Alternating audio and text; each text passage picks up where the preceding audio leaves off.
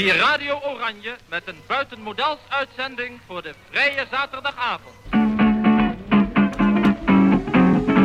De overheid heeft het publiek bevolen. Als het donker is, dan moet het donker zijn. Er mag geen enkel licht naar buiten schijnen. Bezet. Audiomonumenten van de stad Amsterdam. Achter de ramen van de door het virus stilgevallen stad zitten ze nog her en der. De mensen die de oorlog zelf hebben meegemaakt. En die nu angstig binnenblijven, kwetsbaar en hoogbejaard als ze zijn. Maar gelukkig is dit ook de generatie waar je nog ouderwets mee kunt bellen. Met Ena Breukelaar. Dag mevrouw Breukelaar, met Pieter Bas spreekt u. Met Ena hoor. Oh, met Ena. Ja, Dat kan ook. ja doe maar. Ja? Oké. Vind ik prima. Ja, Ja. Dat, vind ik wat, dat vind ik wat gezelliger. Precies. Mevrouw Breukelaar, dat was mijn moeder. Ah, dat was uw moeder. Nou, eh, Ena, hoe is het met u zo op deze zonnige dag? Ja, nou, het gaat wel goed hoor. Welkom bij de derde aflevering van Bezet, audiomonumenten van de stad Amsterdam. Een podcast van het Amsterdams 4 en 5 mei-comité en het Joods Cultureel Kwartier. Vandaag bellen we met Ena Breukelaar. Ena is de dochter van loodgieter en verzetstrijder Adriaan Breukelaar, die tijdens de bezetting ook wel bekend stond als Adriaan Brandsma of Nicolaas Zwart. Ena had tijdens Open Joodse Huizen Huizen van Verzet zullen spreken in haar geboortehuis aan de Zacharias Jansenstraat in de Watergaasmeer. Maar dat ging door de coronacrisis niet door. Ena en ik maken kennis aan de telefoon en al snel is het 1940 en zijn we met de dan zes jaar oude Ena in de Zacharias Jansenstraat. Wij gingen naar school en we waren, we waren thuis allemaal. Alleen je ging niet meer weg. Dus de vakanties bleef je thuis. Dus, en je had toen al die auto's niet in de straat. Dus je kon heerlijk spelen in die straat. En wij deden vlakbal met rondjes en dan gingen we van put naar put. er werd erg veel gespeeld op straat, alleen iedere keer was luchtalarm. Dus dan, dan holden we weer allemaal naar huis. Maar ja, dan was het weer eh, veilig. Eh, dan kreeg je weer het, het, veilig systeem van dit luchtalarm. Nou, en dan kwamen we allemaal weer buiten en dan gingen we weer verder met, de, met het slagbal met rondjes. Dus ja, op die manier eh, hebben we dus de vakanties een beetje doorgebracht. Maar verder ging ik gewoon naar school. Ena ging dus gewoon naar school en speelde op straat. Ondertussen had haar vader wel steeds meer moeite met de bezetter. Toen Adriaan een ARIA-verklaring moest tekenen, weigerde hij dat. En al snel sloot hij zich aan bij het verzet. Hij distribueerde blaadjes, maakte stoorzenders en deed allerhande andere han- en spandiensten voor het verzet. Wat wist de zesjarige Ena eigenlijk van de activiteiten van haar vader? Ik weet dus dat hij met eh, Hou en Trouw, dat krantje, bezig was. Die heb ik gezien, die kranten. Ik wist dus ook wel dat hij niet thuis kwam, omdat hij anders door de Duitsers gevangen genomen kon worden. Maar, of niet thuis kwam, hij was weinig thuis, laat ik het zo zeggen. Hij was er wel hoor, zo nu en dan, maar hij was er niet veel. Ik wist wel dat er dingen gebeurden die we niet moesten vertellen. Ik mocht van dat krantje niks vertellen aan kinderen. En ik mocht, eh, ja, zo waren er wel meer dingetjes die ik niet, waar ik mijn mond over moest houden. Ik kon als kind van zes natuurlijk niet precies beseffen wat dat allemaal inhield. Het illegale werk zorgt ervoor dat vaderlief weinig thuis is. En op een avond, als hij weer de hort op is, staat er een overvalswagen voor de deur.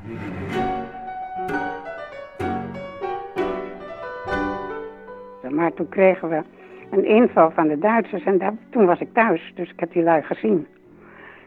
En mijn moeder was ziek, dus ik naar mijn moeder, ik zeg, er zijn Duitsers in huis. Nou, wat doen ze? Nou ja, ze kijken in alle kasten en weet ik veel. Nou, zei mijn moeder, weet je wat je doet? Ga maar even naar opa en oma, die woonden in de Wakkerstraat, dat is een straatje verderop. En ga het daar maar even vertellen. En dus, dus toen ben ik weggegaan. En die lui hebben toen dat briefje op mijn vaders bureau gelegd, want mijn vader was er natuurlijk niet.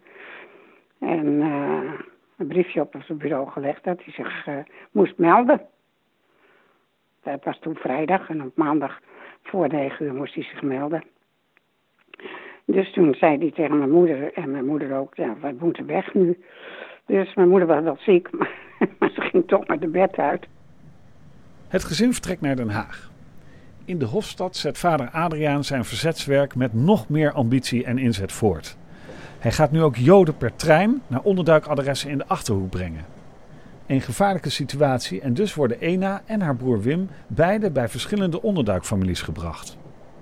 Haar broer zit alleen bij een onderwijsechtpaar en heeft geen tijdelijke broertjes en zusjes. Hij kan ook niet naar school. Ena kan wel naar school, heeft ook tijdelijke broertjes en zusjes, maar ook zij heeft geen leuk gezin. Ik mocht geen spelletjes doen of met poppen spelen of weet ik veel wat. Nee, daar leerde je niks van. Ik moest, ik moest breien en haken en borduren en ik moest eh, helpen in de huishouding en weet ik veel. Want daar leerde ik wat van. En spelen leer je niks van. Nou, ik was zes. Nou, zo'n gezin was het. Dus echt leuk heb ik het er niet gehad. Laten we daar wel over wezen. Nou ja, goed, ik, was, ik had een veilig gezin, dat wel. Het was een veilig gezin totdat de hele verzetsgroep van hun vader werd opgepakt. Adriaan kreeg een tuchtstraf en werd geïnterneerd. Niet lang daarna volgde ook een inval bij de onderduikfamilie van Ena.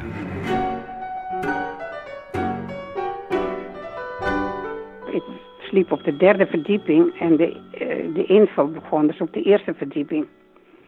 En uh, dus de eerste en tweede verdieping, nou, daar liepen die mensen te zoeken. En op die bovenste verdieping, daar sliep ik, sliep ik dan met onder andere Ali. En die had op een gegeven moment tegen me gezegd, joh, ga eens aan het, aan het voeteneind liggen. En toen heeft ze, ja, we, je had, het was winter natuurlijk, dus het was koud. Dus we hadden van die dikke dekens. Uh, en die heeft ze dus teruggeslagen over me heen. Dus die lagen dubbel op me. En toen heeft ze de, de verduistering kapot getrokken. Zodat je geen licht aan kon doen in de kamer. En nou, het was dus de bovenste verdieping en het was de ene laatste kamer die ze nog moesten doorzoeken. En ja, dus ze het licht opsteken. Nee, dat kan niet, want de verduistering is kapot. En nou, ze pakt gelijk een stoel en ik zal eens kijken of ik het kan maken. En dus alle aandacht op die verduistering ge, ge, gebracht. En nou, die lui die hebben een beetje rondgekeken en die zijn die kamer weer afgegaan en die hebben mij niet zien liggen.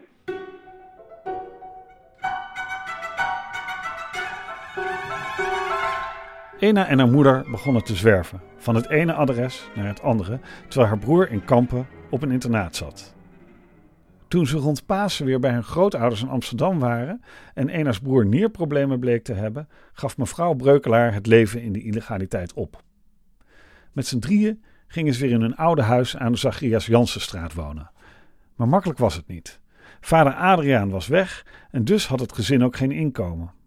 Mevrouw Breukelaar zocht naar manieren om illegaal toch wat te kunnen verdienen. We hebben veel onderduikers gehad. Nou, ja, die mensen betaalden natuurlijk ook aan mijn moeder geld, want ze moesten ook eten en ze moesten ook, eh, nou ja, van roep het allemaal maar. Dus die wilden ook nooit uh, gratis en voor niks bij ons zijn. Onderduikers leverden dus wat op, maar ook aan drukwerk wist mevrouw Breukelaar wat te verdienen.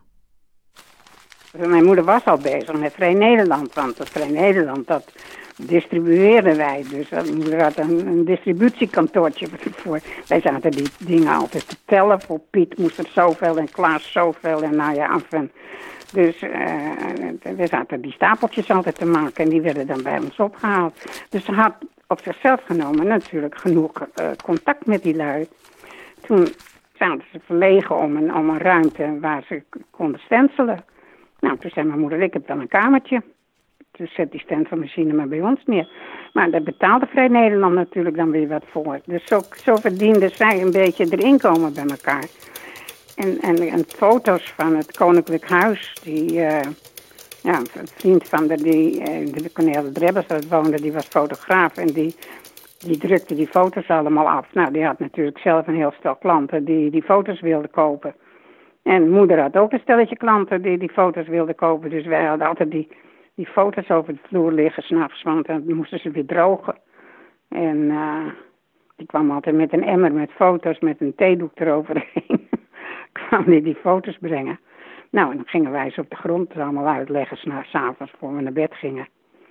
En dan uh, de volgende ochtend weer oppakken. Nou, en mijn moeder verkocht die dingen.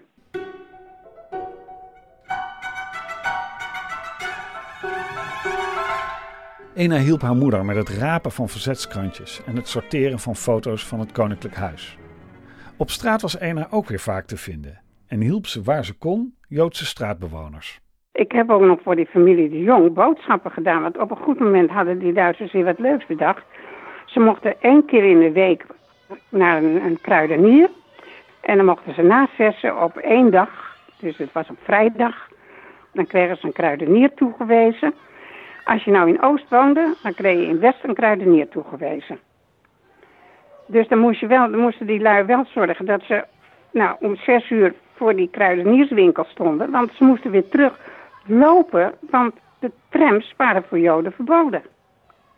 Dus je moest het lopen en fietsen, dat deed je helemaal niet, want die werden gevorderd. David en Leo, die konden echt niet naar West lopen, heen en terug met boodschappentassen en weet ik veel. Daar waren ze veel te klein voor. En Mirjam, die was dan wat ouder. En die vroeg dan, stond ze aan de deur, Ena, kom eens even. Wil jij even boodschappen doen hier bij de Spar? En dat was om de hoek. Ik zei, ja hoor. Nou, en dan kreeg ik een tas mee met geld erin en bonnen en een, een boodschappenbriefje. Zo gingen we dus in 1943 nog met de familie de Jong om. Dus. Alleen, ik mocht er nooit binnenkomen, want ik wou altijd met die boodschappentas naar binnen. Nee, dat mocht niet. Ik moest op straat blijven. Dus ik mocht hem alleen maar afgeven. Nou, dat deed ik dan als het een beetje donkerder werd, dat niet de hele buurt het zag.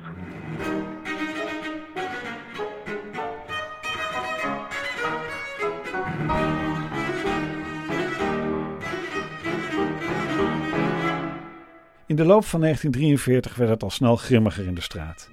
Ena bleef op straat spelen, maar zag hoe steeds meer Joden uit de buurt weggevoerd werden of gewoon simpelweg verdwenen.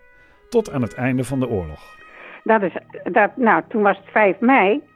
En toen kwam mevrouw Wouters beneden. En die heeft de hele buurt bij elkaar getrommeld. Of we eventjes onder huis kwamen staan. Want ze had een verrassing voor ons. Nou, de verrassing was dat de familie wel naar beneden kwam. En niemand die het wist. Niemand. Echt. Iedereen was verbaasd. We dachten allemaal dat ze weggevoerd waren. We hebben het nooit geweten. Je hoorde het verhaal van Ena Breukelaar in de podcast Bezet, audiomonumenten van de stad Amsterdam. Deze podcast is een productie van het Amsterdams 4 en 5 mei-comité en het Joods Cultureel Kwartier. Het verhaal van de familie Weil, die ondergedoken zat in de Zacharias Jansenstraat, is opgeschreven in het boek Oorlogszoon van Ivo Weil. Tot 5 mei brengen wij dagelijks één of twee horenswaardige verhalen over oorlog, onderdrukking, verzet en bevrijding, dus blijf aan onze podcast gekluisterd. Tot slot nog even dit. Die mooie muziek in deze podcast was afkomstig van de nieuwste plaat van celliste Lili Blijdorp. Ik zou zeggen, koop die plaat of draai hem grijs op je streamingservice.